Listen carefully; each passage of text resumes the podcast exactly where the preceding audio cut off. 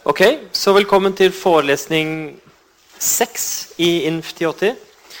Så nå begynner det å bli viktig å henge med på alt. Hvor mange har lest til og med kapittel fem? Rekke noen i været. Er, hvem er det som ikke har lest kapittel fem? Ikke så mange hender. Ok, kjempefint. Jeg vil kanskje anslå at 80% av dere har lest kapittel fem. Kjempebra.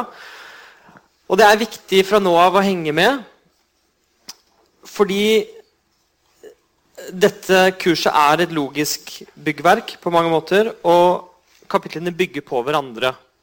Så absolutt alt som vi har dekket til nå, kommer til å være antatt fra nå av at dere kjenner til og har øvd dere på. Så det er det sagt. Er det noen spørsmål, kommentarer eller eh, innspill før vi går i gang med en bitte liten repetisjon av kapittel 5, og vi går i gang med kapittel 6? Noen spørsmål? Kommentarer, innspill, tanker, drømmer, ønsker? Ja? Eh, spørsmålet var om eksamen teller 100% og det er riktig. Så det blir en eksamen på Det har pleid å være fire timer, um, som teller hele karakteren. Så det lønner seg å sette seg ned med penn og papir før eksamen uh, og øve seg på den situasjonen. Uh, og Kapittel 5 er veldig bra for det, for da får man øve seg på det som er det viktigste i kurset. og Det er å argumentere og skrive godt. Var det noen spørsmål der?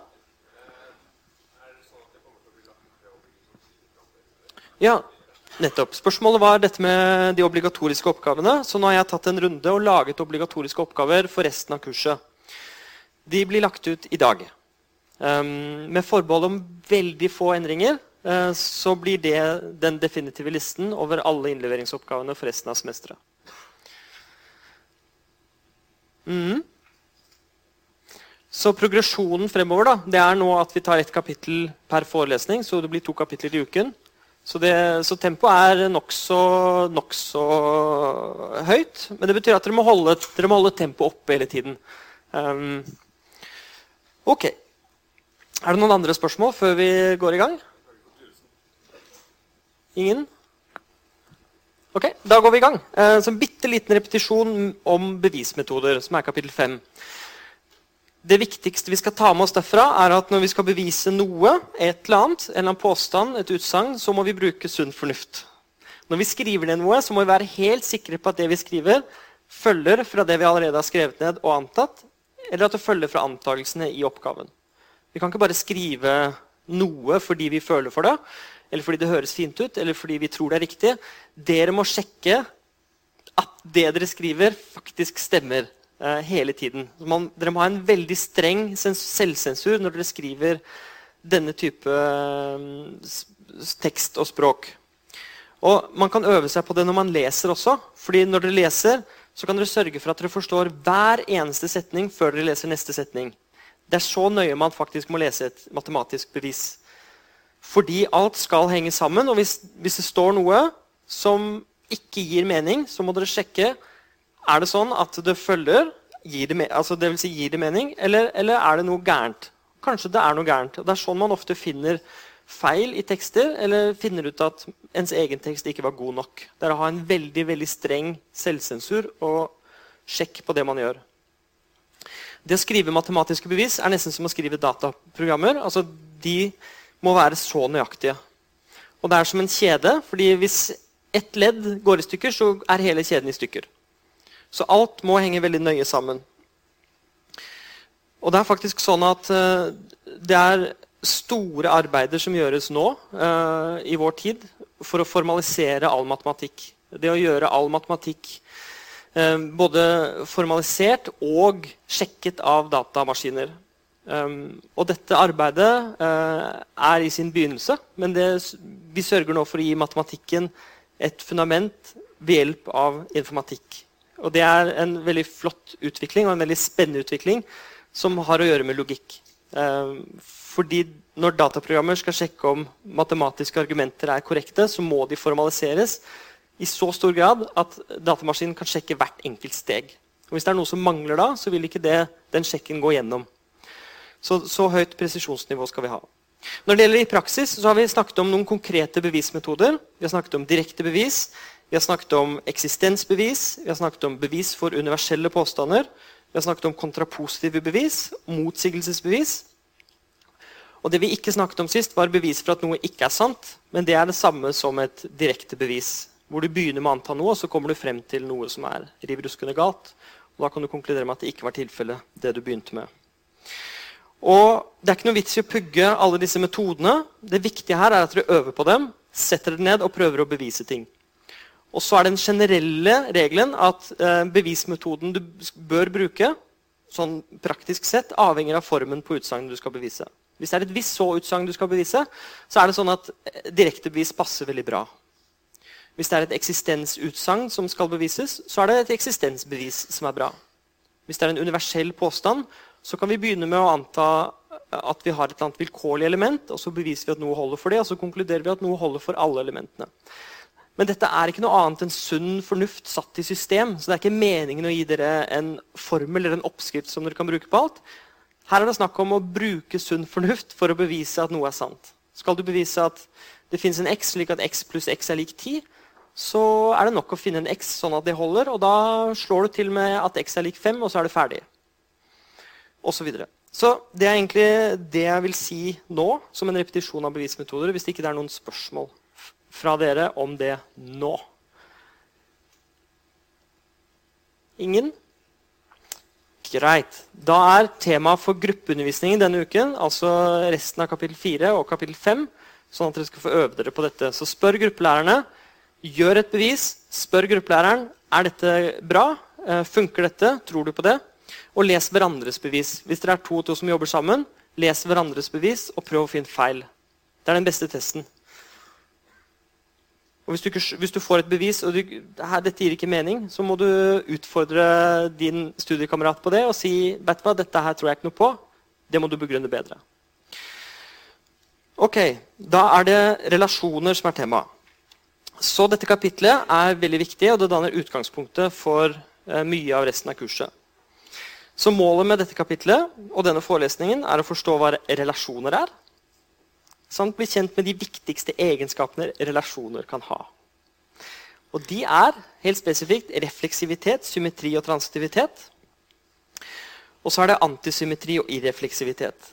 Disse skal vi definere og snakke om i dag. Vi skal også snakke om hva som gjør en relasjon til en ekvivalensrelasjon, en partiell ordning og en total ordning. Og dette er de begrepene vi skal snakke om i dag, og snakke om på mange forskjellige måter. Så er det igjen bare å spørre underveis hvis det skulle være noe. Så det vi gjør nå, er å abstrahere over relasjoner. Så vi skal studere relasjoner i et matematisk og abstrakt perspektiv. Men vi møter jo på relasjoner hele tiden. Dere har relasjoner til hverandre. Og ting er i relasjon til hverandre. Tall kan stå i relasjon til hverandre, osv. Det vi skal gjøre nå, er å tenke veldig generelt på det fenomenet og se om vi kan forstå det litt bedre. Og se på det i et matematisk perspektiv og se hva som er der av interessant matematikk. Så vi bruker mindre eller lik relasjon på reelle tall for eksempel, hele tiden. Og det er et eksempel på en relasjon. Det er en relasjon på tall. Vi har sett delmengderelasjonen på mengder. Vi har sagt at en mengde er en delmengde av en annen, og det er en relasjon på mengder. Og logisk konsekvensrelasjonen det er en relasjon på utsagnslogiske formler. For vi har sagt at en formel er en logisk konsekvens av en annen, eller en logisk konsekvens av en mengde formler. Så vi kan bruke den som en relasjon på formler. En liste over hvem som kjenner hvem, er også en relasjon. Så hvis vi tar oss i dette rommet, og så sier vi at vi trekker en tråd mellom eh, to av dere hvis dere kjenner hverandre og ikke noe tråd hvis dere ikke kjenner hverandre. Da får vi et rom fullt av masse tråder. Hvis vi ser på mengden av alle de trådene, så er det det vi kaller en relasjon. Det er mengden av de trådene som utgjør relasjonen. Og det skal vi se på i et matematisk perspektiv. Vi skal generalisere eh, og abstrahere over dette fenomenet. Hvor først definere hva som menes med en relasjon, og så skal vi undersøke hvilke egenskaper en sånn kan ha. På samme måte som vi gjorde litt for mengder, og som vi har gjort litt for utsagnslogiske formler. For Først så definerte vi dem, og så så vi hva slags egenskaper de kunne ha. Først et spørsmål.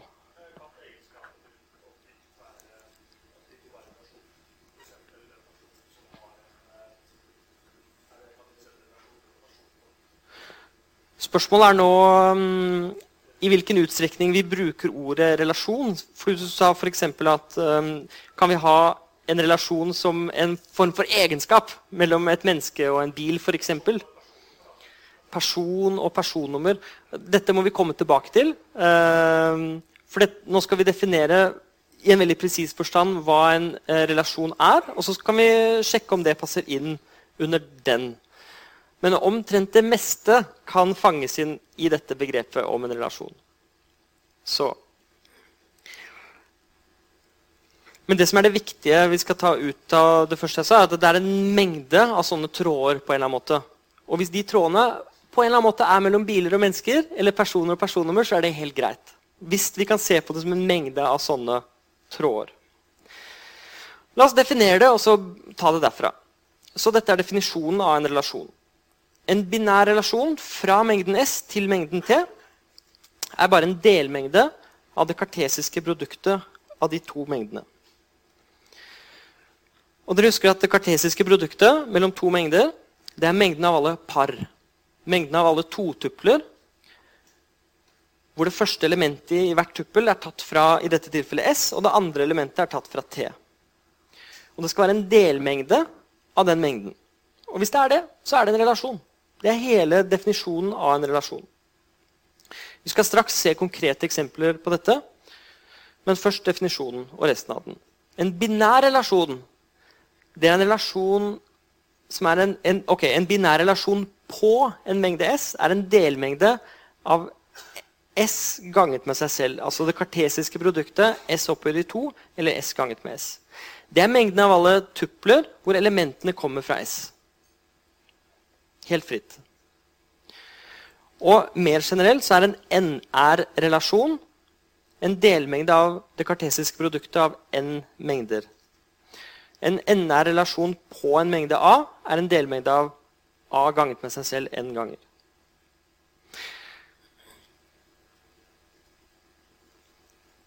For å forstå denne definisjonen så må vi forstå kryssprodukt, for det brukes hele tiden, eller kartesisk produkt.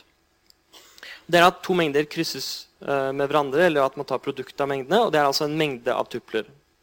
Nå skal vi straks se noen konkrete eksempler på det. men det er det vi skal huske. Og så er det en delmengde av alle. Det er det andre vi skal huske. Når vi bruker ordet relasjon uten noen form for kvalifikasjon, så mener vi vanligvis en binær relasjon. Så La oss se på to eksempler, og så kan vi heller komme tilbake til definisjonen hvis dere har noen spørsmål til den.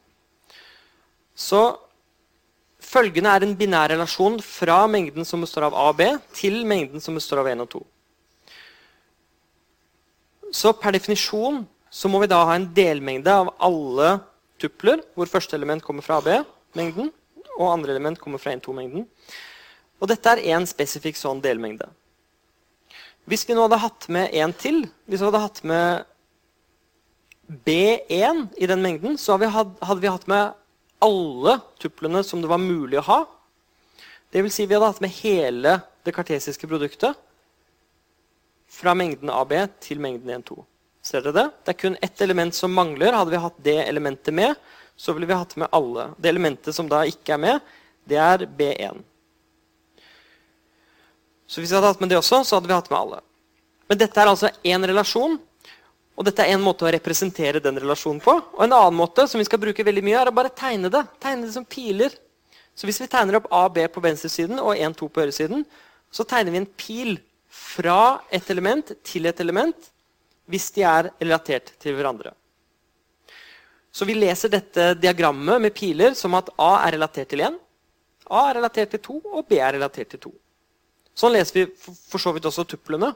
Eh, det er en mengde som består av tupler, men vi tolker det som at A er relatert til 1, A er relatert til 2, og B er relatert til 2. En tredje måte å representere den samme relasjonen på, det er å tegne det opp i en tabell. Og den tabellen betyr bare akkurat det samme som de to andre representasjonene. At A er relatert til 1, A er relatert til 2. B er ikke relatert til 1, og derfor er det en 0 akkurat her. Eller så er det 1. Da kommer det et spørsmål der. Spørsmålet var hvorfor er ikke B relatert til 1? Er det noe du har bestemt? Eller? Og dette er bare et eksempel på én relasjon. Vi kunne tatt en annen relasjon hvor alt var relatert til alt, eller ingen var relatert til noe. Så vi kommer nå mange eksempler på relasjoner. da. Er det andre spørsmål? Jeg tar gjerne spørsmål til dette underveis. Ja, der oppe.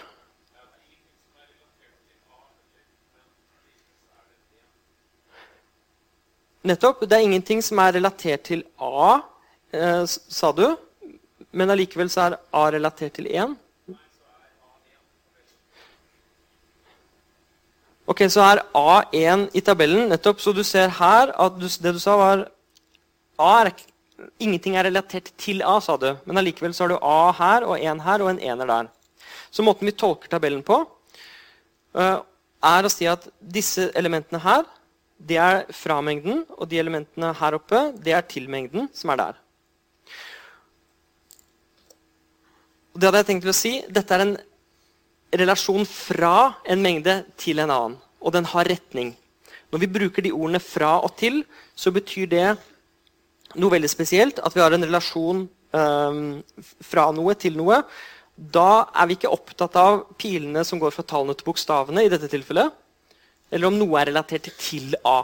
Da er det kun fra enten A eller B til 1 eller 2. Igjen, dette er kun et eksempel. Eh, jeg har bare valgt noe helt uh, vilkårlig uh, og bruker dette som et eksempel. Den måten å definere relasjoner på, relasjoner på som vi kommer til å møte oftest, det er denne. Det er å si at noe er en relasjon på en mengde. Og det var definert som en delmengde av 1, 2, 3 krysset med 1, 2, 3 i dette tilfellet. Så her er en sånn relasjon. Bare for å gjenta det og være helt nøye. En binær relasjon på mengden 1, 2, 3. Det er en relasjon R, som er en delmengde av 1, 2, 3 krysset med altså kryssproduktet, eller det kartesiske produktet. Da ble det en sånn for mye. Sånn. Og hvis dere skulle regne ut det der, hva blir det? hele greia. Hva blir hele greia? Vel, da må jeg ta med alle mulige kombinasjoner. 1-1, 1-2, 1-3 osv. Helt ned til eh, Egentlig så kan jeg nesten, jeg kan nesten skrive opp alle. 2-1, 2-2, 2-3 Nå gidder jeg ikke å skrive mer. Det er tre til der nede. Sånn.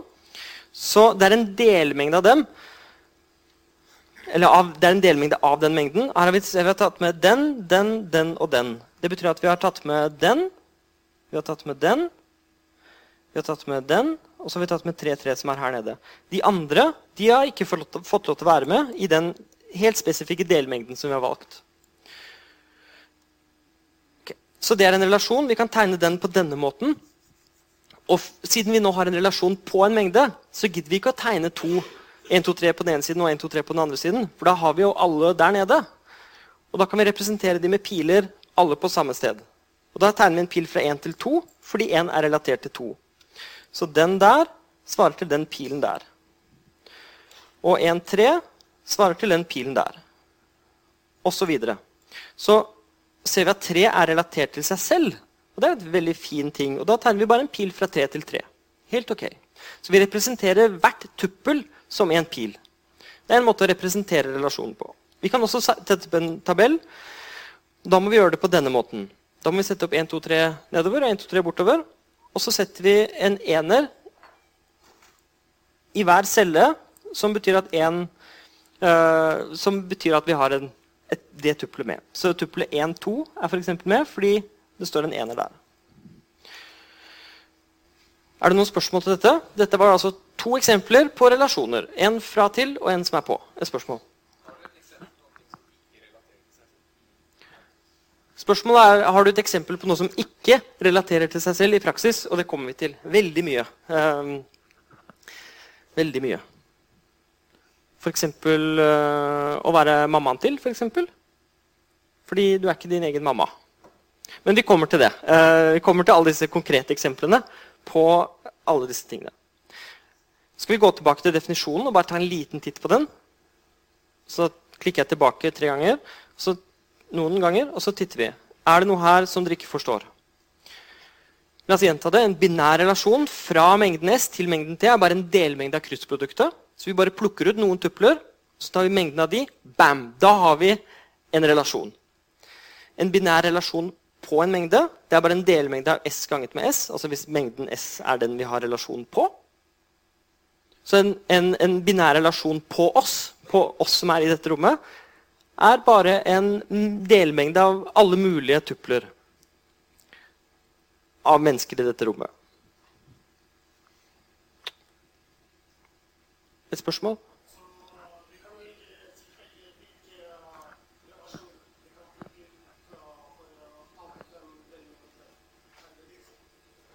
Eh, spørsmålet var om vi kan velge dette helt tilfeldig og vilkårlig, og det kan vi gjøre. Vi er helt fri, så alle, alle delmengder av, kryss, av, eh, det kartesiske produktet er lov. På akkurat samme måte som hvis du skal ta et eller annet tall, så kan du velge helt fritt. Ikke sant? Syv eller åtte eller ni. Og fordi nå lager vi egentlig en matematisk struktur, et, et matematisk objekt, som vi skal jobbe med, akkurat som vi har jobbet med tall. Vi har gjort det nå for mengder og formler. Det har vi litt erfaring med nå. Nå skal vi gjøre det for relasjoner. Det er på en måte det den nye strukturen som vi undersøker. Nå skal vi se på egenskaper ved relasjoner, helt abstrakt. da. Og så har vi generalisert det til at vi kan snakke om n-ære relasjoner. Og det er bare en delmengde av det kartesiske produktet av alle som vi tar um, um, sammen. Så hvis vi har fem mengder, da, og så skal vi lage en femær-relasjon på øh, øh, den mengden, så må vi Ok, så um, Helt generelt så er en 5R-relasjon det er en mengde av femtupler uh, over disse fem mengdene. En 5R-relasjon på én spesifikk mengde det er bare en mengde av femtupler hvor hvert element kommer fra den samme mengden. Men det vi skal fokusere på, er binære relasjoner på en mengde. Så da går vi videre til flere eksempler. Og det er noen spesielle relasjoner som alltid dukker opp, uansett hva slags mengder som ligger i bunnen. Var det et spørsmål før jeg gikk videre? Spørsmålet er hvorfor heter det binær relasjon. Og dette er jo helt generelt, da, så er det n-er. Og så sier man ofte unær for én, binær for to, trinær for tre osv. Generelt n-er. Så bien betyr bare to. altså Det er en to-er-relasjon. Så høres det litt teit ut, og så sier vi binær. Nei, hvis, er, eh, hvis du tar en delmengde av eh, S opphøyd i tre, eller kryssproduktet av tre mengder, så er det ikke en binær relasjon. Da er det en treær eller en trinær relasjon. Men det er jo binære relasjoner vi skal jobbe med, så det er mengder av par. Så hvis vi skal ha det helt ned på jorda, enkleste formen mengde av par hvor elementene kommer fra en eller annen mengde. La oss se på noen spesielle. Identitetsrelasjonen den relaterer alle elementer til seg selv, og den har vi alltid. Så det er mengden av par som er på formen XX, hvor X er et element i S.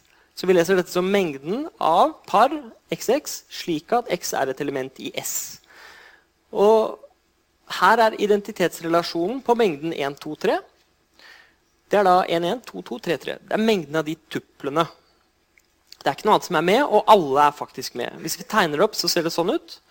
Og det som er litt fint med tabellen, er at vi får diagonalen i tabellen på den måten. Så det er identitetsrelasjonen. Og hva den er, avhenger av hva du tar identitetsrelasjonen på. Så dette er identitetsrelasjonen på en mengde med tre elementer. Identitetsrelasjonen på mengden av naturlige tall for eksempel, er en uendelig mengde med tupler. 0, 0, 1, 1, 2, 2, 3, 3 osv. Vi kan også ha den tomme relasjonen fra S til T, som ikke relaterer noen elementer til hverandre. Den skriver vi bare som den tomme mengden, for det er en tom mengde av tupler. Så her er den tomme relasjonen på mengden 1, 2, 3. Den var tom. Der var det ikke noe. Og ikke noen piler, fordi hvert tuppel svarer til én pil, og bare null i tabellen. Men den har vi alltid. Den tomme relasjonen er der, og det er den minste relasjonen uansett hva vi har liggende under. Men om vi også ser på det motsatte. alltid se på det motsatte. Den universelle relasjonen fra S til T den relaterer alt til alt. Så hvis jeg nå tar 1, 2, 3 som utgangspunkt, altså mengden som består av tre tall, så er dette den universelle relasjonen. Den relaterer alt til alt. Og dette er det samme som det kartesiske produktet 1, 2, 3-mengden ganget med 1, 2, 3-mengden. Hvis vi skal tegne dette som piler, så tegner vi sånn som dette. Alt er relatert til alt. Så det, uansett hvilke to du tar, så er det en pil mellom dem. Og også fra 1 til 1 og 2 til 2 og 3 til 3. Så uansett hvor, så er det en pil der. Og hvis vi skal sette opp dette som en tabell, så blir det en tabell med bare enere. Så dette er forskjellige måter å representere den samme relasjonen på. Så, så det var det. Det var noen raske eksempler. Litt notasjon. Hvis R er en relasjon, la oss anta det, og du har at tuppelet AB er med i relasjonen R, altså det skriver vi som tuppelet AB er et element i relasjonen her, så tillater vi oss å skrive ARB i stedet for alt det der.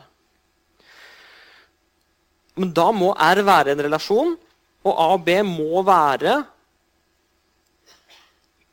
elementer i dette tuppelet på denne måten. Så A, B, R må være sånn, så dette er egentlig bare en forkortelse for hele det uttrykket der.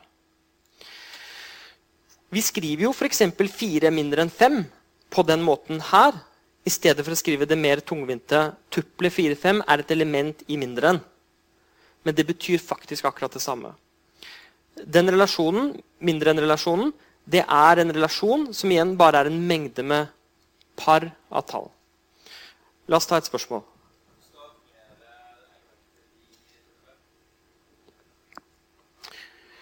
Hvis du, spørsmålet var hvis du har flere elementer i tuppelet enn to, så har vi ikke noen uh, veldig fin notasjon for det. Uh, for det du spør om, er tre ære-relasjoner. La oss si du hadde hatt A, B, C uh, med i en eller annen relasjon R. Det er fint mulig, det. Da er det ikke en binær relasjon lenger. Da er det tre elementer som relateres. Og da kan man jo tenke seg at det fins andre notasjoner for det. Man kunne skrevet A, R, B, og så kanskje C-en på toppen, eller et eller annet sånt. Men, men da må vi finne avhengig av ut, da må vi finne ut noe som passer konteksten vår. Jeg sier ikke at dere skal gjøre sånn. Jeg sier at Det er én måte å definere det på hvis dere hadde hatt lyst. Men vi, vi definerer ikke det på noen som helst måte. Kjenner dere noen uh, treære-relasjoner? Ja, tenk på det. Tenk på det. Um, dette kalles for infix-notasjon. Vi skriver altså fire mindre enn fem, og da skriver vi det symbolet der mellom de to som er relatert. Og da kaller vi det for infix fordi vi setter den inni. Vi snakker også om prefiks og postfiks, om vi setter den foran eller bak. Dette skal vi komme litt tilbake til eh, senere når vi skal definere binære trær og lister. Bra. Da er vi nødt til å se på hva vi har laget. Vi har laget nå relasjoner. Og jeg synes det er veldig nyttig å se på alle de, alle de, objektene som vi har laget nå, samlet. Så nå skal vi gjøre et tankeeksperiment. Og det er egentlig bare å si at vi har to elementer. Én og to. Og så ser vi på alle relasjoner som det er mulig å ha mellom to elementer. Og dette er det. Eh, dette bildet er delt i to. På høyre side, la oss ta det først, så har jeg to elementer nederst og to elementer øverst i hver lille firkant. Så dette, er, dette, her er en firkant hvor det er to nederst og to øverst. Og vi kan godt se for oss at dette er 1, 2 og 1, 2. Og at en, denne pilen her betyr at 1 er relatert til 1. Og den pilen her betyr at 1 er relatert til 2. Så det er en måte å representere eh, alle relasjonene som det er mulig å ha fra 1-2 til 1-2. Fordi her, i den øverste venstre her, så er det ingenting som relateres til noe.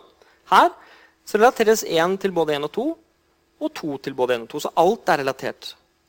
Denne saken her, dette er identitetsrelasjonen. Den som relaterer 1 til 1 og 2 til 2. Og så videre. Dette er alle de 16 mulighetene som det er mulig å ha fra en mengde med to elementer til en annen mengde med to elementer. På venstre side her så har vi bare slått to og to sammen. Så jeg har tatt den der og den der og kollapset de sammen. Bare slått de sammen til én. Og så har jeg tatt den der og den der eh, og bare slått de sammen til én. Og da dukker det bildet på venstresiden opp. Eksempel, hvis jeg tar utgangspunkt i um, en av dem, la oss se på denne f.eks., så står det her at det elementet der er relatert til det elementet der, og det svarer til at den er relatert sånn der.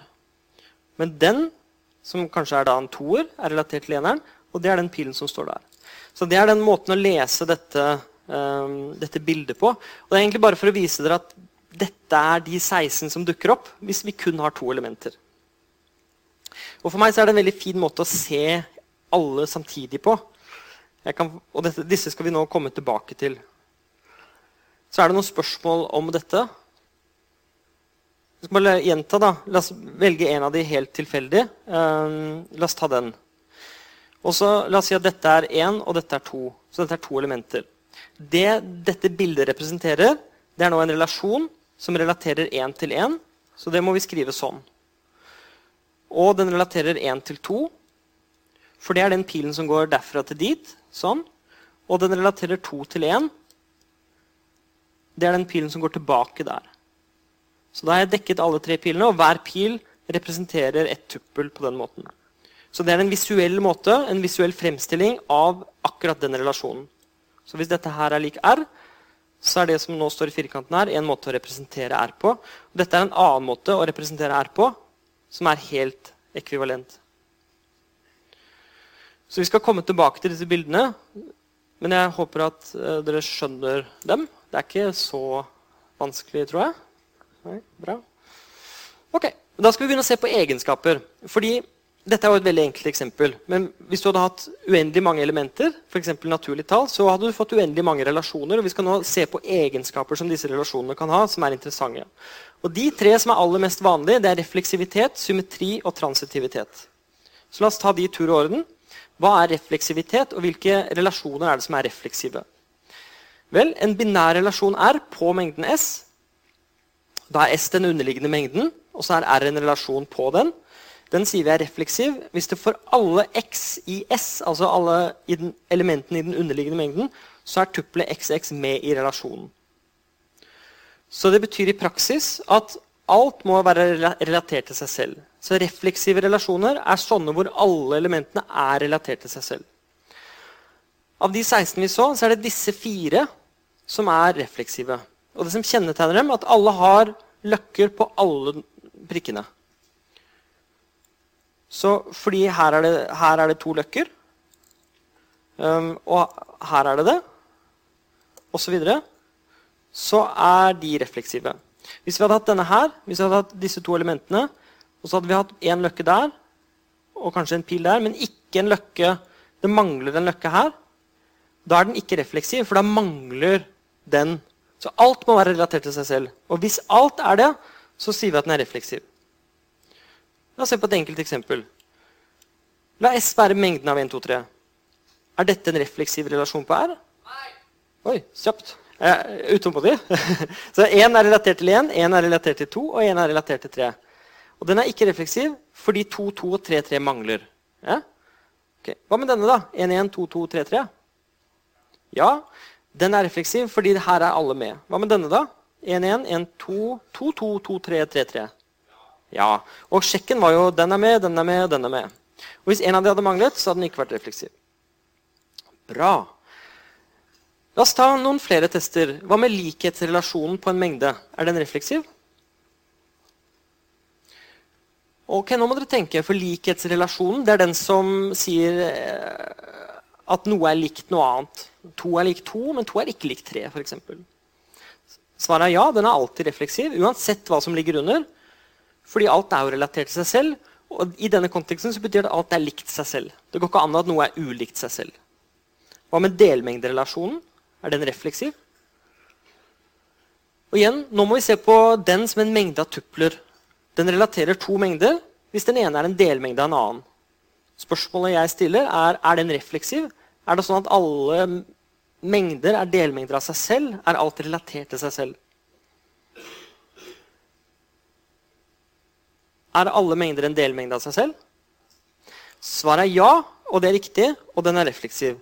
Og Grunnen til det er definisjonen av delmengderelasjonen. For den sier at noe er en delmengde av noe annet hvis alltid den ene er med den andre. Og Hvis du da har to identiske mengder, altså mengden av naturlige tall og naturlige tall, så er jo alle i den ene med i den andre. Hadde vi sagt ekte delmengde, så ville det ikke vært tilfellet.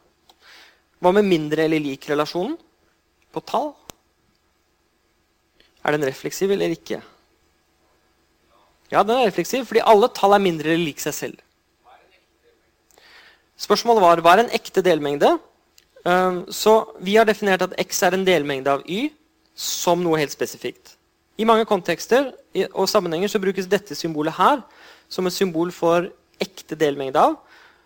Og det betyr det samme som um, at x er en delmengde av y, og det er ikke like.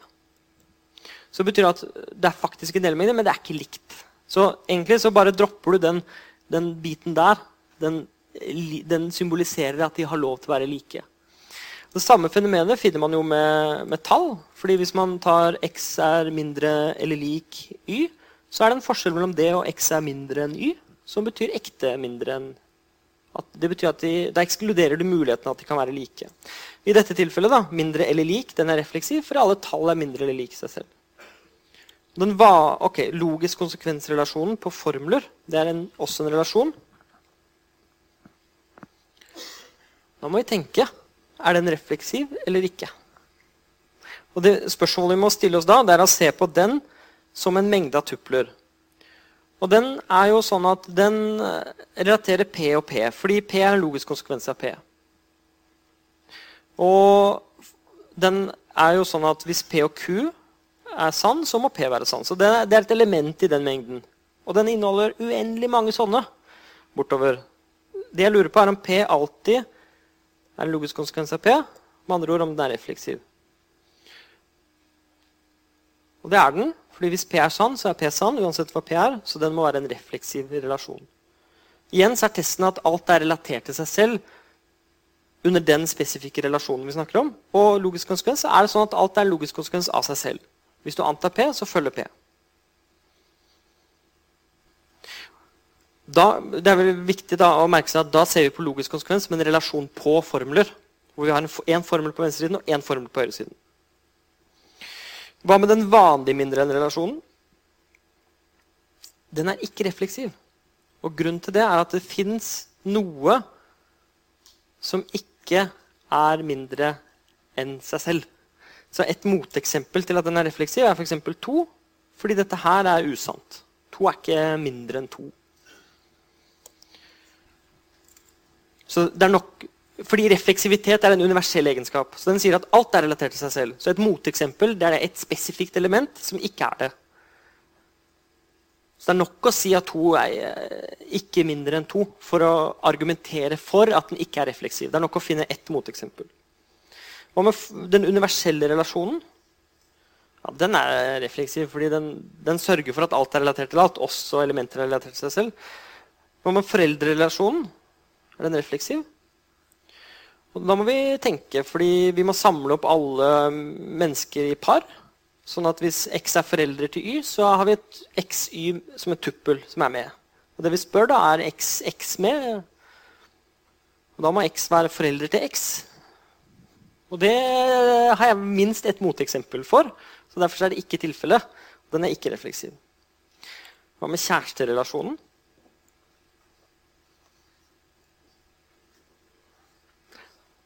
Er den refleksiv?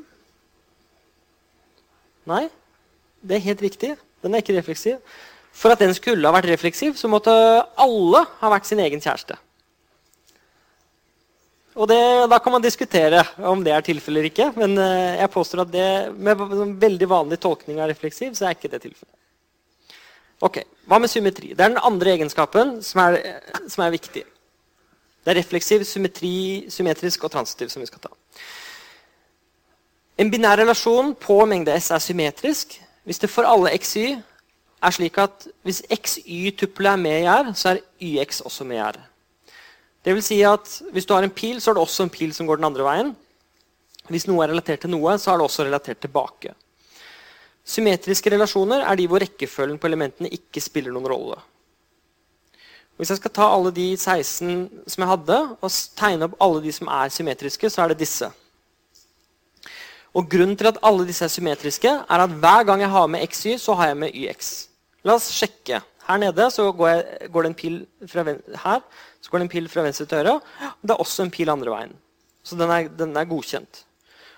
Og vi ser at i disse fire her så går det alltid en pil tilbake, uansett hvilken pil jeg følger.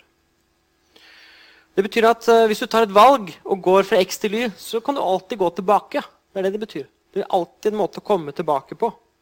Og her, denne her er symmetrisk, fordi hver gang du følger en pil, tada, så kan du komme tilbake. For det er ikke noen piler å følge, så derfor så holder det.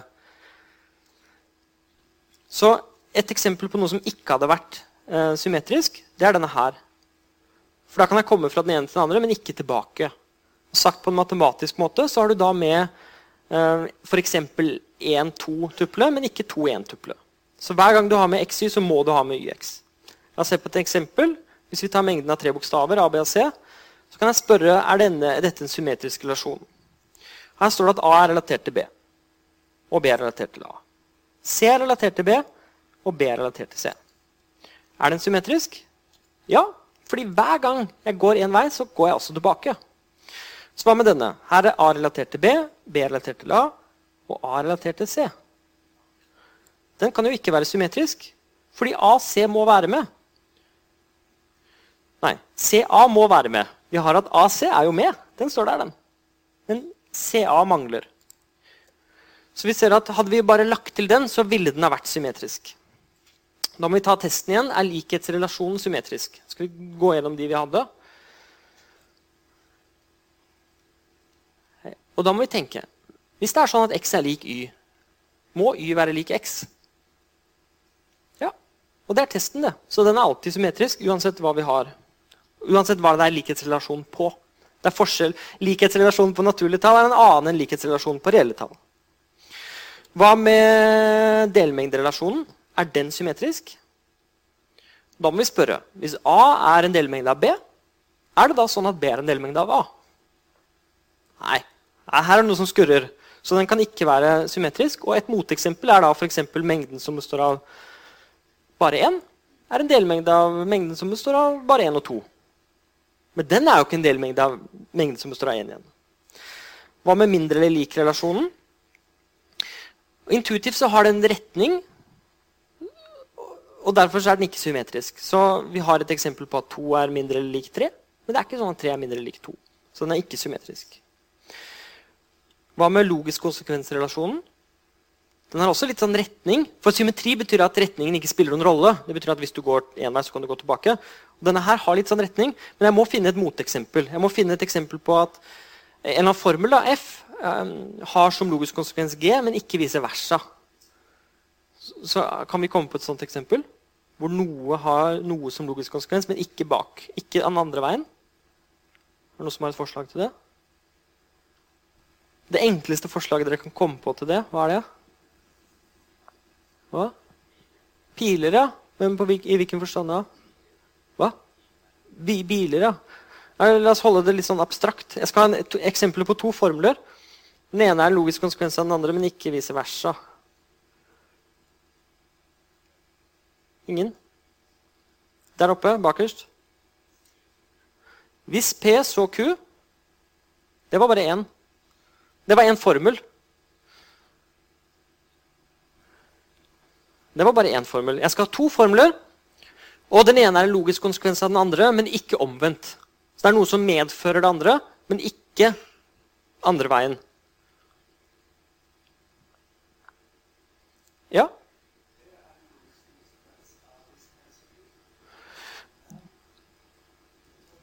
Det du sa nå, var at P er en logisk konsekvens av hvis P, så Q. Og det er ikke riktig, det du sa der. For, det du sa, var nå at hvis du antar det oh, Ok, hvis Q, så P, sier du. Og det som står der, er heller ikke riktig. Fordi det er ikke en logisk konsekvens. Men nå er du inne på det. For jeg kan vri dette om til et riktig svar. fordi hvis du antar P, så følger faktisk Q pil P. Så det er riktig. Hvis P er sann, så må Q pil P være sann. Eh, men hvis Q pil P er sann, så må ikke P være sann. Så det var et godt eksempel. Det fungerer. La meg ta et mye enklere eksempel. Hvis du antar P og Q, ja, da må P følge. Fordi hvis P og Q er sann, så må P være sann. Men det er jo ikke sånn at hvis du antar P, så må P og Q være sann. Så der har vi et moteksempel. Som andre ord er den ikke symmetrisk. Men nå må vi ha en pause, fordi nå ble det abstrakt, så alle må strekke på bein og armer. Og så begynner vi igjen om et kvarter. Ok, da fortsetter vi. Vi er i gang med å snakke om relasjoner i et veldig abstrakt perspektiv. Så var det noen som spurte i pausen om mindre eller lik relasjonen og refleksiv. Så var det litt sånn rart at jeg sa at den ikke var refleksiv. Og grunnen til at den ikke er det, er at for at den skal være refleksiv Ok, den, okay nå må jeg trekke dette tilbake. Det var symmetri vi snakket om i pausen. Så mindre eller lik relasjonen er refleksiv. Fordi alt er mindre lik seg selv. Men hvorfor er den ikke symmetrisk? Det var det som var spørsmålet. Og der, For at den skal være symmetrisk, så må det være sånn at hver gang vi har at x er mindre enn y, så må y være mindre enn x. Og det er ikke tilfellet. Fordi to kan være mindre enn tre. Men tre er ikke mindre enn to. Og det er et moteksempel og grunnen til at den ikke er symmetrisk, er at det ikke er sånn hver eneste gang. Så Hver gang jeg har x mindre enn y, så må jeg ha y mindre enn x. for at den skal være det, og det er det ikke sånn. Så både refleksivitet, symmetri og transitivitet er universelle egenskaper. De sier noe om alle elementene vi har. Um, et spørsmål der? Ja? Spørsmålet var hvorfor er likhetsrelasjonen refleksiv? Og da er svaret det at det er fordi alle elementer er lik seg selv. Så hvis du ser for deg alle elementer i en mengde, og så tegner du en pil hver gang du har at noe er likt noe annet, da vil du kun ha piler fra hvert element i seg selv. Og derfor er det refleksiv. Fordi du alltid har at et element er relatert til seg selv.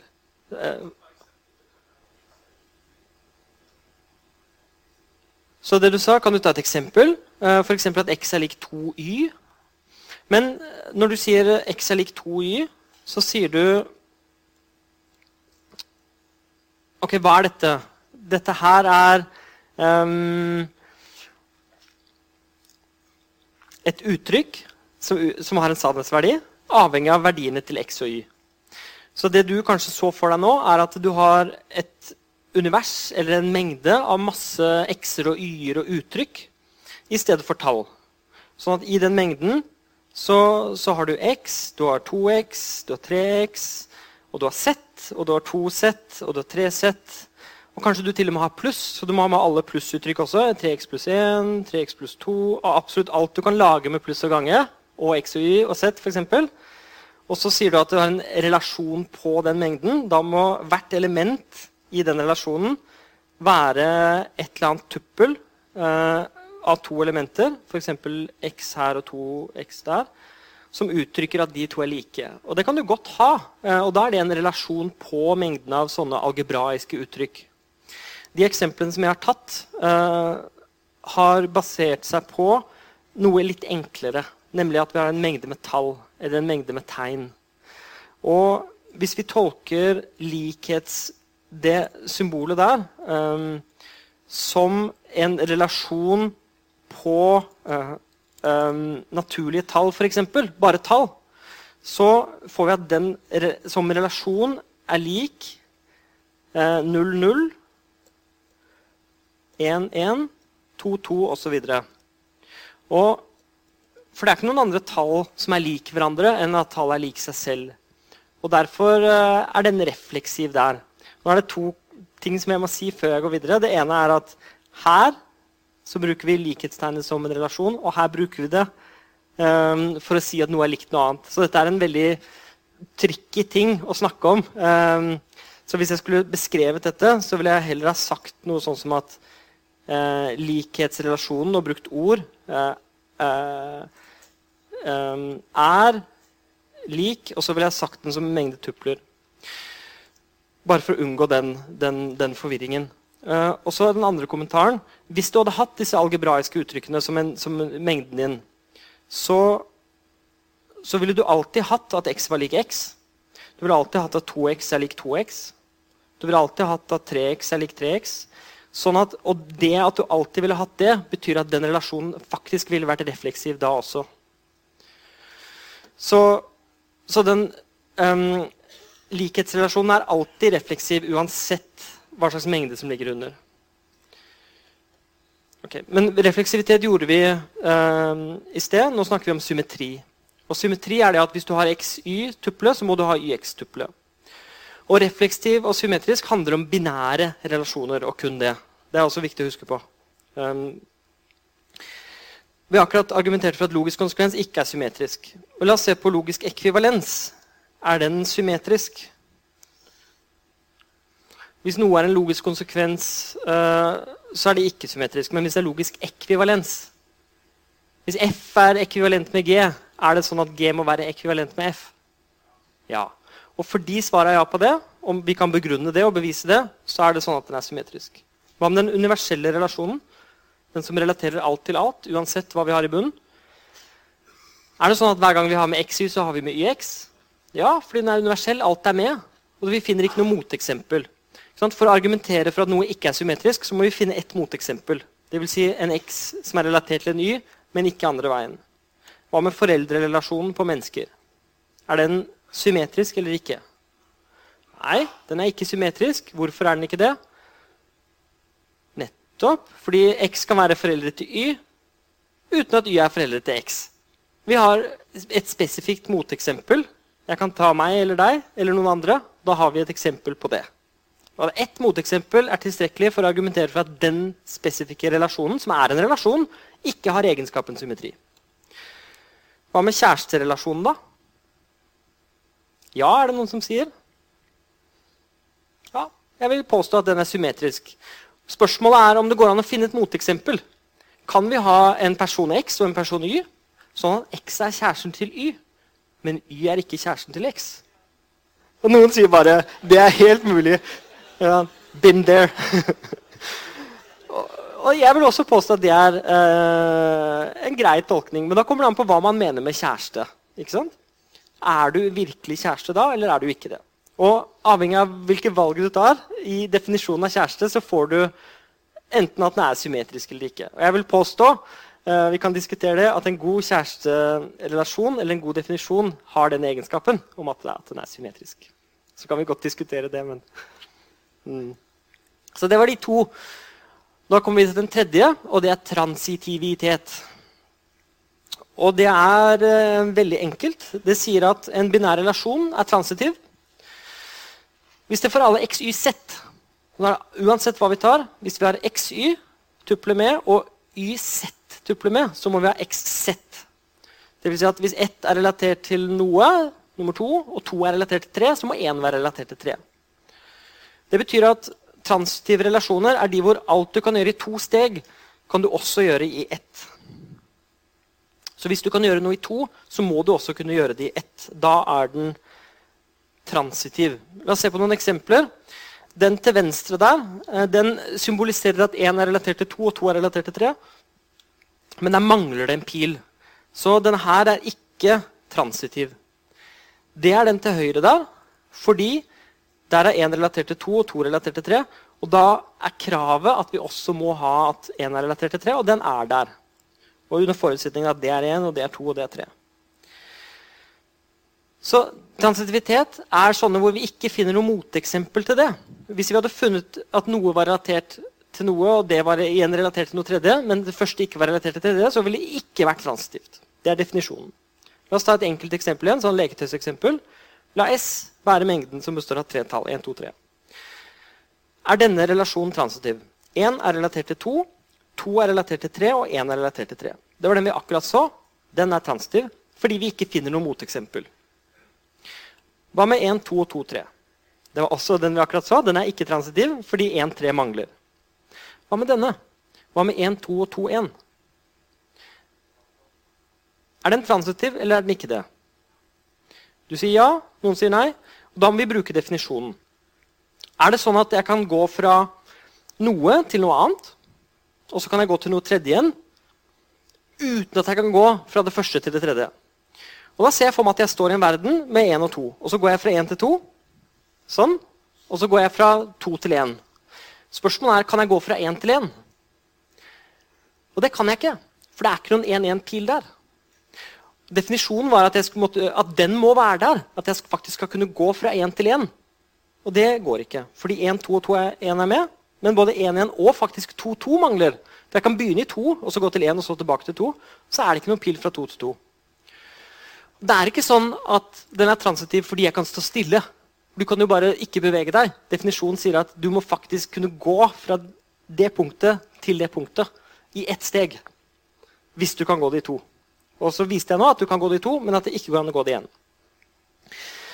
Så den relasjonen Det var et sånn lurespørsmål. Uh, så jeg beklager til dere som gikk på fella og sa at ja, den er transitiv. Fordi, og meningen var å tvinge frem akkurat dette. Uh, at definisjonen uh, av transitivitet holder ikke for den, så den er ikke det. Et spørsmål? Spørsmålet er om rekkefølgen på tuplene i mengden spiller noen rolle. Og den spiller en kjempestor rolle, vanligvis. I akkurat dette eksempelet så er relasjonen symmetrisk i utgangspunktet. Og da har vi en relasjon hvor rekkefølgen ikke spiller noen rolle. Men normalt så spiller den en veldig stor rolle, og vi må passe på. Og dette er avhengig av rekkefølge. Ja?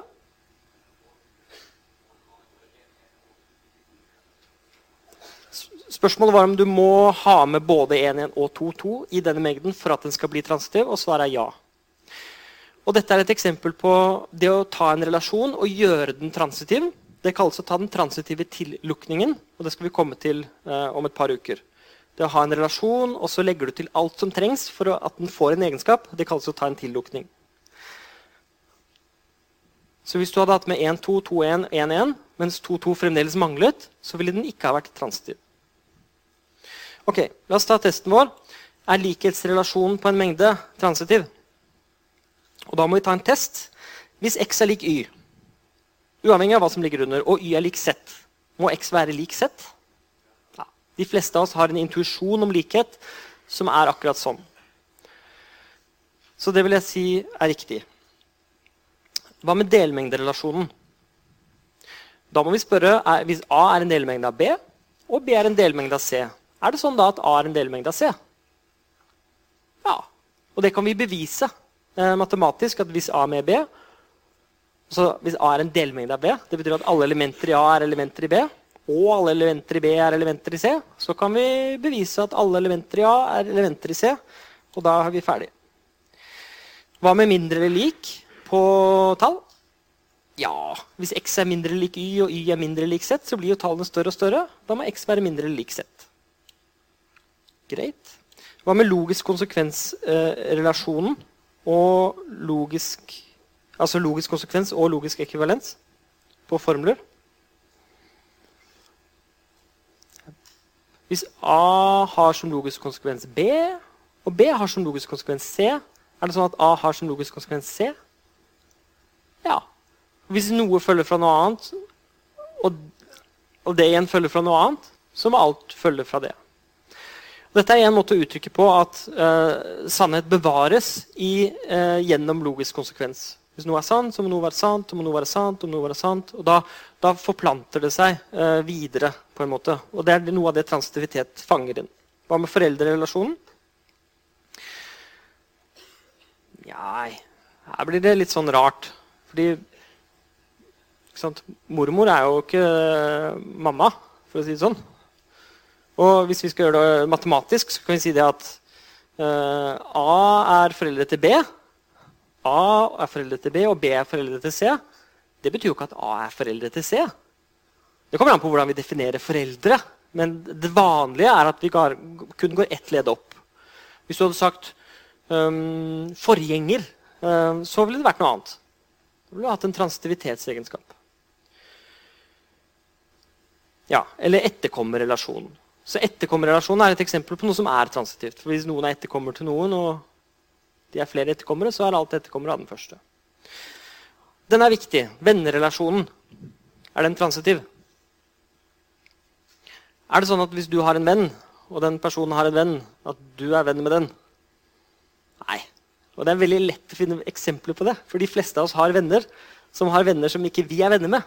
Og da kan vi nemlig gå til dem i to steg. Vi kan gå via først vår venn, og så til da tredje, som ikke er vår venn igjen. Hadde vennerelasjonen vært transitiv, så måtte vi vært venner med alle våre venners venner. Og det er vi ikke. Så den er ikke transitiv. Hva med universelle relasjonen? Ja, Den må være transitiv, for det er ikke noen moteksempler der. For moteksempler ville vært som Noe hvor jeg kunne gått i to steg, men ikke én. Og så da denne kjæresterelasjonen. Så hvis um, A er kjæreste med B, og B er kjæreste med C Er det sånn at A er kjæreste med C? Nei. Det ville vært et spennende univers. Det er noe som karakteriserer disse transitive relasjonene. Og det vi faktisk har gjort nå, er litt kult, synes jeg. Fordi vi har tatt på en måte relasjoner, som er noe vi har og bruker, og så har vi bare abstrahert voldsomt, og så har vi begynt å karakterisere dem. Og sagt at noen er transitive, og noen er ikke det. Det er, det er et naturlig skille som vi kan dele relasjoner inn i. Samme med refleksiv og samme med symmetrisk. Og Da kan vi bruke det til å karakterisere en veldig viktig type relasjoner, og det kalles for ekvivalensrelasjoner. Så en binær relasjon på en mengde S kaller vi en ekvivalensrelasjon. Det er det samme ordet som i logisk ekvivalens. Men vi kaller den en ekvivalensrelasjon hvis den er refleksiv, symmetrisk og transitiv. Så ekvivalensrelasjoner er de som forteller oss om elementer er like i anførselstegn, i en eller annen forstand. Hvis vi har disse tre egenskapene, så er det en form for identifikasjon.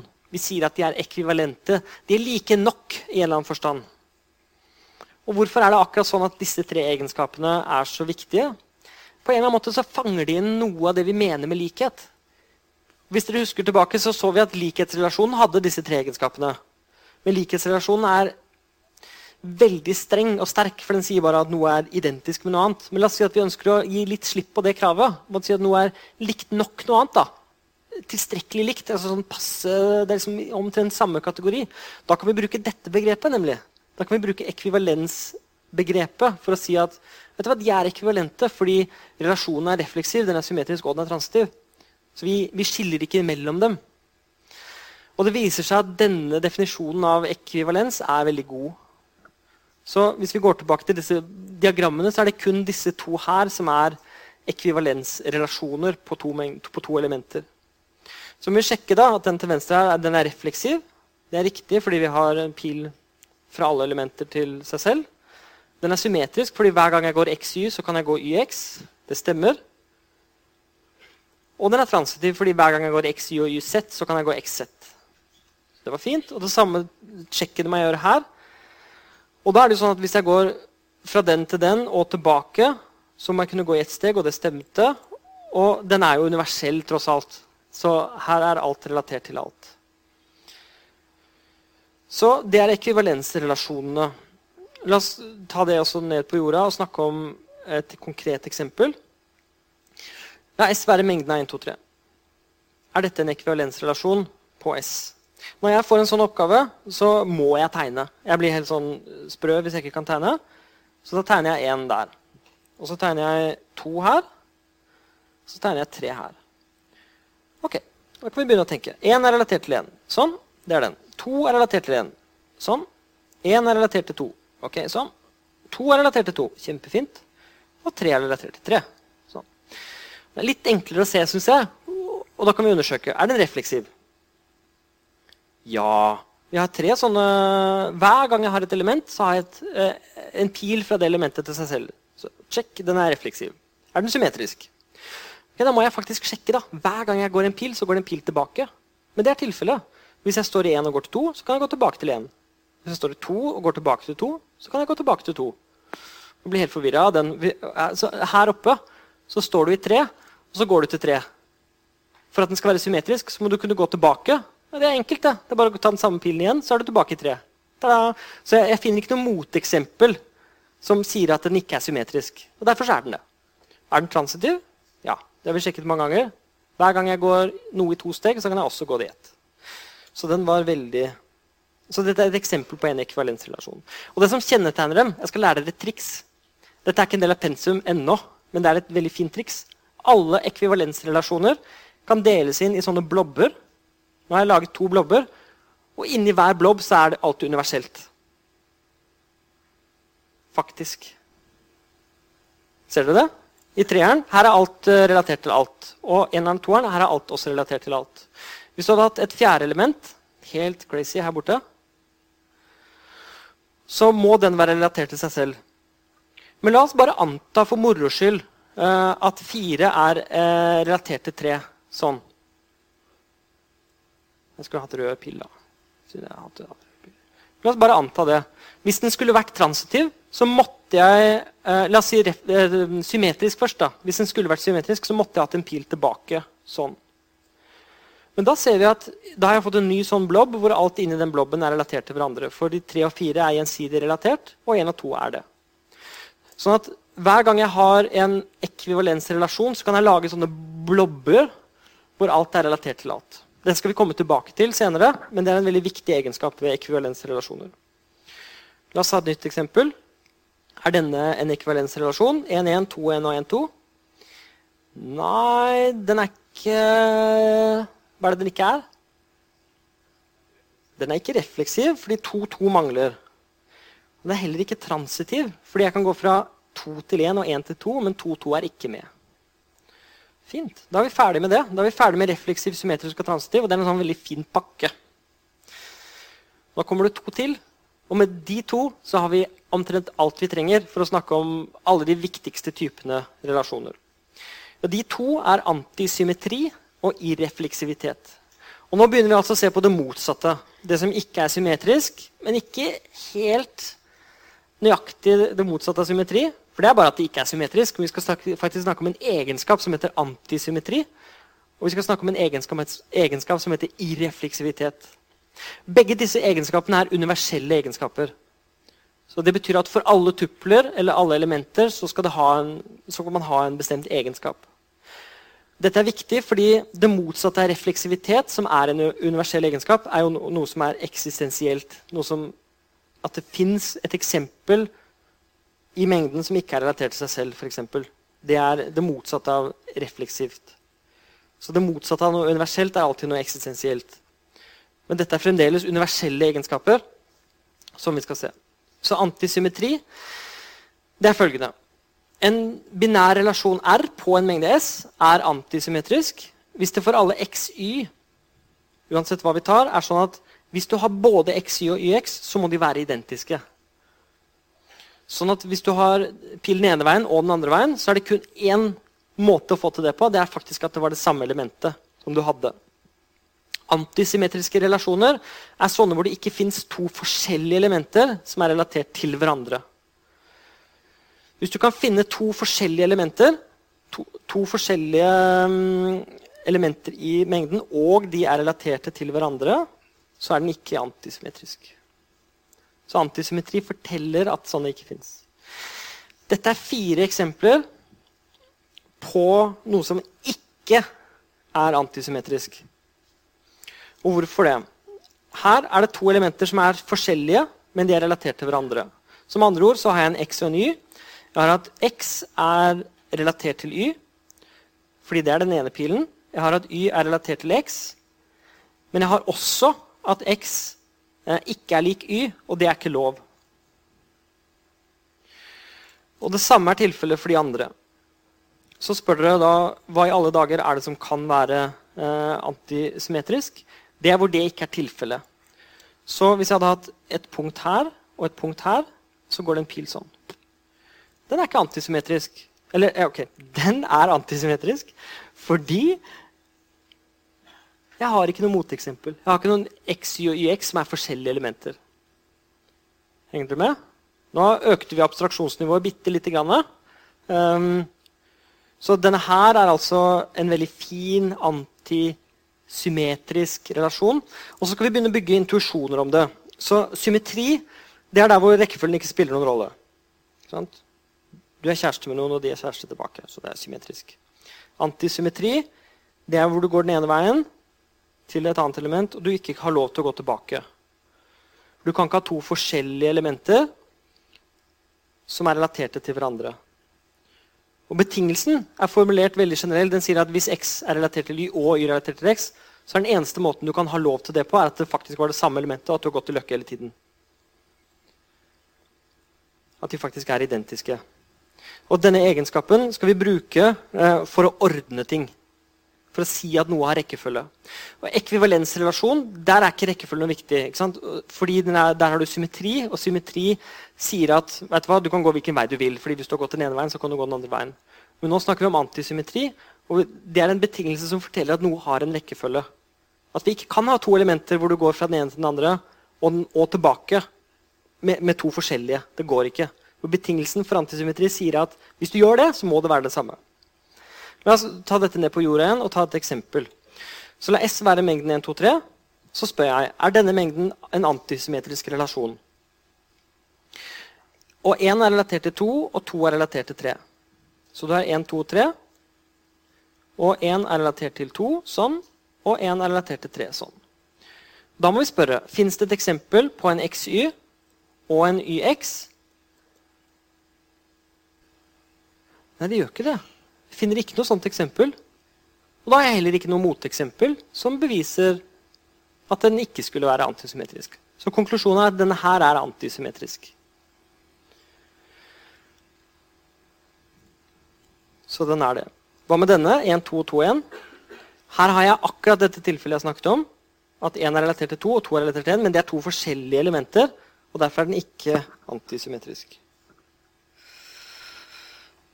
Så jeg, er fullstendig klar over at dette er en abstrakt uh, definisjon. Men den er veldig vanlig å bruke i matematikk, og det er derfor vi dekker det i dette kurset. Så er det noen spørsmål til denne? Ja? Spørsmålet var hva er forskjell på antisymmetrisk og ikke-symmetrisk. Så symmetri sier at hvis x er relatert til y, og y er relatert Nå må jeg, det, jeg må egentlig gjøre det veldig nøye. Jeg må si det er et element i r, og y x okay, jeg, skal jeg, skal gjøre det enda nøyere. Hvis den Så den. Det er definisjonen av symmetri. Enig? Og hvis jeg nå sier at R ikke er symmetrisk La oss si at jeg sier det. R er ikke symmetrisk. Hva betyr det? Det betyr at denne her må være sann. Og denne her må være usann. Det betyr at jeg er nødt til å ha en XY, og jeg ikke har eh, en YX. Det vil si at jeg har to elementer. Jeg kan finne et vitne hvor jeg har den pilen der, som er at X er relatert til Y. Og jeg har ikke noen pil tilbake. Mangler. Da er den ikke symmetrisk.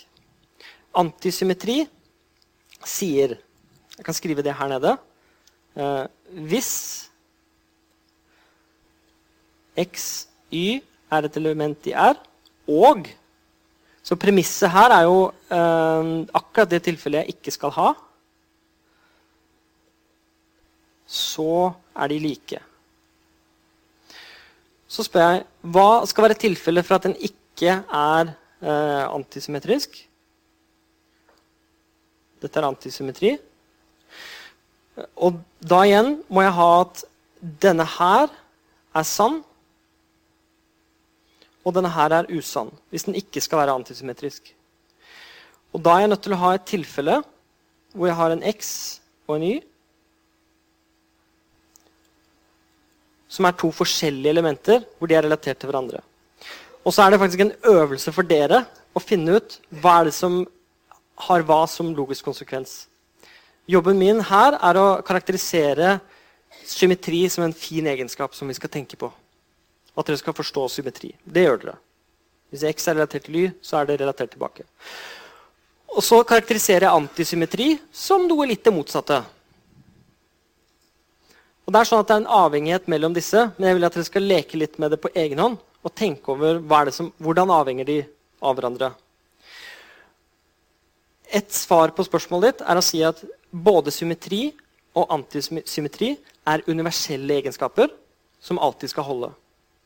Det motsatte av at noe er symmetrisk, er at det finnes et moteksempel.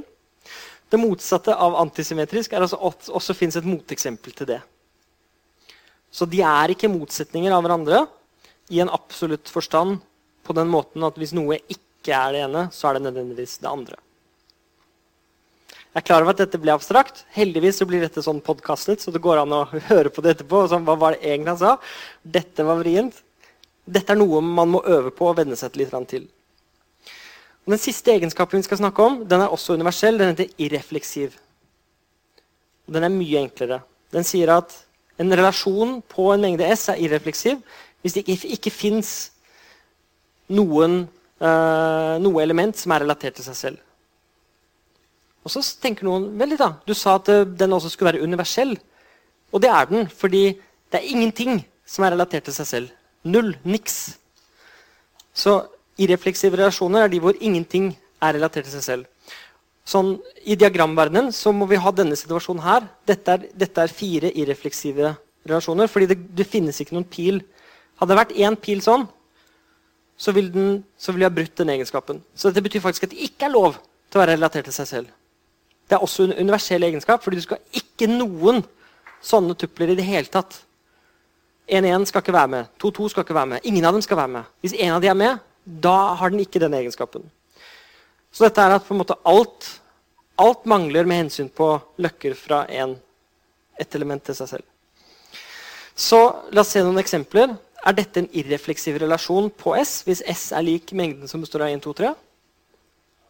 Ja, var det noen som sa det er riktig, fordi det er ikke noe som er relatert til seg selv her, så det er greit. Hva med denne? 3-1, 3-2 og 3-3? Nei, den er ikke irrefleksiv, fordi 3-3 er jo med. Og den har ikke lov til å være med hvis den skal være irefleksiv. Okay, fint. Nå har vi sett fem sånne universelle egenskaper som vi kan karakterisere relasjoner med. Og Den mest tungtrådde av denne eh, var antisymmetri. Men tenk på det. Det er ikke spesielt vanskelig hvis dere setter det ned og ser nøye på det. Det vi skal bruke antisymmetri til i første omgang, det er å snakke om ordninger. Vi skal snakke om partielle og totale ordninger. Fordi nå har vi karakterisert relasjoner. Vi har sagt at vet du hva, her er alle relasjonene. Vi kan sette merkelapper på dem. Refleksiv, ikke refleksiv, osv. Men noen av dem er så spesielle at de kalles ordninger. Og det er på en måte en egen kategori relasjoner. Og den første gruppen vi skal se på, heter partielle ordninger. Og vi sier at En binær relasjon er en partiell ordning hvis den er refleksiv, transitiv og antisymmetrisk. Og Dette er akkurat det samme som ekvivalensrelasjon, bare at jeg byttet ut ordet symmetri med antisymmetri. Det er akkurat det samme som står der. En binær relasjon er en Og så står det noe.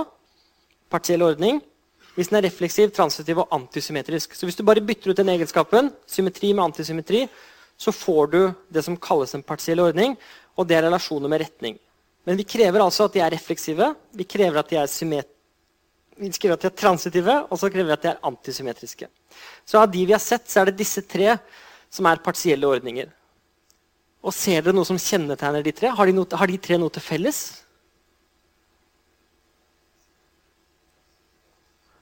Veldig godt svar. De er refleksive, de er transitive og de er antisymmetriske. Men sånn intuitivt, ser dere at de tre hører sammen? Det er det jeg lurer på nå. For de tre er av samme type, nemlig. Det er noe vi kaller ordninger. Og Ordninger er sånne relasjoner som uh, Har du gått et sted, da er du stuck. Du kommer ikke tilbake. Bortsett fra når du er alene der du står, og så går du et steg, og du gikk ikke noe sted du tok en sånn refleksiv uh, løkke, da er det greit. Da kan du gå tilbake igjen. Men hver gang du går til noe nytt, så har du ikke lov til å gå tilbake. Du er stuck. Tar du et valg, så får du ikke lov til å gå tilbake. Så vi ser her at de, disse her er ikke symmetriske. Men å karakterisere ordninger på en god måte krever at vi definerer antisymmetri. Og at vi gjør det som en universell egenskap. Vi kan ikke bare si en relasjon som ikke er symmetrisk. Fordi ikke-symmetrisk betyr bare at det, at det, skal finnes et eller annet moteksempel ikke sant? som gjør at den ikke er symmetrisk. Men for å karakterisere en hel gjeng med relasjoner som ordninger, så må vi bruke egenskapen antisymmetri. Det betyr at i, uansett hva du tar, og hvis du går et steg du, til, noe, til noe annet, så kan du ikke gå tilbake til der du kom fra. Så dette er de partielle ordningene. De brukes overalt i informatikk og matematikk. Partielle ordninger. Man kaller det ofte for POSET, eller partially ordered set. og Da mener man en mengde sammen med en sånn ordning oppå den mengden. Så da har man egentlig et par da, av en mengde og en relasjon. Det kaller man ofte en, en POSET, eller partially ordered set. Og den typen struktur arbeider man med veldig mye i matematikk. Man bruker det for å tolke programmeringsspråk, man bruker det for å um, analysere matematiske strukturer som er mye mer komplekse enn det vi ser på her. La oss se på noen eksempler. Hva med mindre eller lik relasjon på reelle tall? Er det en partiell ordning eller ikke? Er det en gjeng med øvelser vi må gå gjennom? Vi må spørre er det refleksiv. Ja. Er den transitiv? Ja. Er den antisymmetrisk? Oh, nå får vi et veldig fint eksempel på antisymmetri. Fordi, la oss anta anta at x er mindre lik y. Dette har dere sett. Og y er mindre lik x. Hva følger da? Da må x være lik y. Hvis x er mindre lik y, og y er mindre lik x Den eneste måten å få til det på på reelle tall er at de faktisk er det samme tallet. Du kan ikke ha at de er mindre eller lik hverandre uten at de er det samme tallet. Og det er nøyaktig det antisymmetri sier. Definisjonen av antisymmetri er tatt derfra. Den er tatt derfra fordi hvis du har x er mindre enn y og y er mindre enn x, så må du ha at de er like. Og Da følger det at den er antisymmetri, så da er dette en partiell ordning. Hva med mindre enn-relasjonen? Vel, den er ikke refleksiv, så ut med den. Hva med logisk konsekvensrelasjonen? Dette er den første, dette er den, okay, dette er den første ordentlige matematiske nøtta dere får. Er det en partiell ordning eller ikke?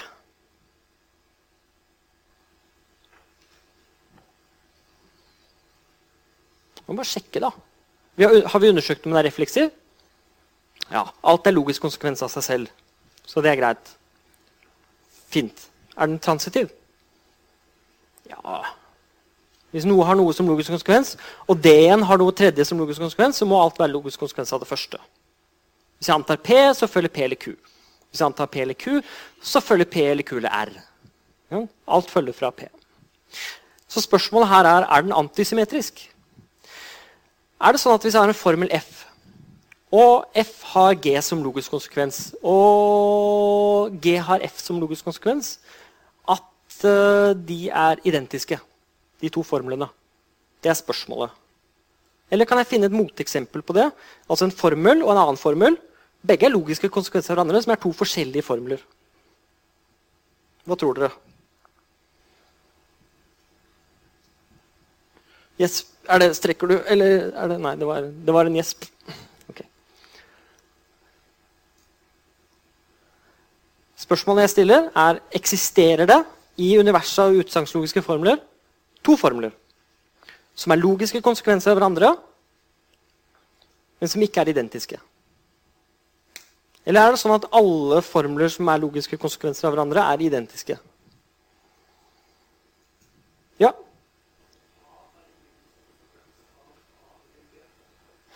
Det du sier, er at A er en logisk konsekvens av A eller B. Ok, For det første det er eksempelet vårt. Det er, det er ikke riktig. Så, fordi jeg kan, ha, jeg kan, ha, at A eller B er sann uten at A er sann. Men omvendt så holder det. For hvis A er sann, så er A eller B sann. Uh, vi enige om det? Ja. Men, så her har jeg da at det ikke er tilfellet. Så jeg har ikke at premisset er oppfylt. Jeg skal ha to formler som er logiske konsekvenser av hverandre. Det er det jeg er ute etter. Så dette var et eksempel på en kandidat som ikke funket da. Fordi jeg ikke har begge veier. Nå er det like før jeg sier det selv, hvis ingen andre har det på tunga. Ja? Forslag? Nei? Noen andre? Ja? Du ser at A er en logisk konsekvens av B, og omvendt. Men uh, her er det veldig lett for meg å lage et moteksempel. fordi jeg kan si at den er sann, og den er usann. Bam. De er ikke logiske konsekvenser av hverandre. Fordi B er ikke en logisk konsekvens av A. Jeg liker å bruke p-er og q-er når jeg snakker om konkrete formler. Hvis jeg antar at um, formelen P og Q er sann, så må P være sann. Men la meg uh, ta et uh, eksempel. Hvis jeg har P og Q, så må jo Q og P være sann. For, for eksempel. Geologiske konsekvenser av andre. Så må jeg sjekke andre veien også. Hvis jeg antar Q og P, er det sånn at P og Q må være sann? Ja! Oi, det ser ut som jeg klarte det. For her er en formel F, og her er formel G, og her er det G-en, og her er F-en. Men de er ikke identiske. Fordi den formelen der er ikke den samme formelen som den. Og med andre ord så er den ikke en partiell ordning, fordi den er ikke antisymmetrisk. Nå har jeg funnet et moteksempel til at logisk konsekvensordningen er en partiell ordning. For det fins to formler som er ekvivalente med hverandre. Altså de er logiske konsekvenser av hverandre, men som ikke er identiske. Ok. Nå kommer det en veldig viktig relasjon. Det er delmengderelasjonen. denne her. La oss si at jeg har en mengde som består av A, B og C. Og så spør jeg er den relasjonen på den mengden en partiell ordning eller ikke. Det er spørsmålet. Er det en partiell ordning? Vi har funnet ut at den er refleksiv fordi alt er en delmengde av seg selv. Den er transitiv fordi hvis noe er delmengde av noe annet, og det er delmengde av noe annet igjen, så må det første være en delmengde av det tredje. Spørsmålet er er den antisymmetrisk. Ja, det er den. fordi hvis du har A som en delmengde av B, og du har B som en delmengde av A, det er den eneste måten å få til det på, er at A er lik B. Og så er det en veldig fin måte å tegne det på, og det er dette her. Det er det vi kaller et hassediagram. Og det fungerer sånn at hvis noe er under noe annet, og det går en strek opp til noe annet, så betyr det at x er en delmengde av y. I dette tilfellet fordi vi lager diagrammet over akkurat den relasjonen. Så her betyr strekene det. Den tomme mengden er en delmengde av alt som er over. Og det er også sånn at Hvis jeg har da to piler, så betyr det også at x er en delmengde av z i dette tilfellet. Så dette diagrammet viser det minste vi trenger, sånn at hvis vi tolker alt som transitivt, så er, det, så er dette dekket av diagrammet. Og dette, Vi ser at dette dekker alt, fordi det går ikke noen pil derfra dit. Ser dere det? Jeg kan ikke følge en strek oppover og kun oppover, sånn at jeg kommer fra A til B og C. Og det er jo nettopp fordi A ikke er en delmengde av BC. Og på toppen så har vi den som alt er en delmengde av. Den er koblet til absolutt alt som er under. Disse to er ved siden av hverandre, AB og AC. Og de er ikke delmengder av hverandre. Og derfor så er det ikke noen strek mellom dem heller. Dette er et veldig vanlig måte å tegne partielle ordninger på. Vi tegner det minste elementet nederst, det største elementet øverst, og så fyller vi den med piler. Det siste vi skal snakke om, det er totale ordninger. Og det er en delmengde av de partielle ordningene. Så hvis jeg har en partiell ordning, så kan den være en total ordning eller en lineær ordning hvis det for alle x, y, altså alle elementer x og y, er sånn at det ene er relatert til det andre eller det andre er relatert til det ene. Uansett hva jeg velger. Totale ordninger er sånne som ordner alle elementene i en mengde etter hverandre. Det betyr at du kan tegne alle på en, på en linje. Og disse to her er de eneste totale ordningene på to elementer. Og det vanligste eksempelet det er mindre eller lik på reelle tall. Fordi du kan legge alle ut på en linje, og det er nøyaktig det du gjør når du snakker om den reelle tallinjen. Så det er en total ordning. Hva med delmengderelasjonen? Er det sånn at den er total? Det er det siste spørsmålet og den siste vi skal gjøre i dag. Er den total? Nei, fordi du kan ha to mengder som ikke er relatert til hverandre.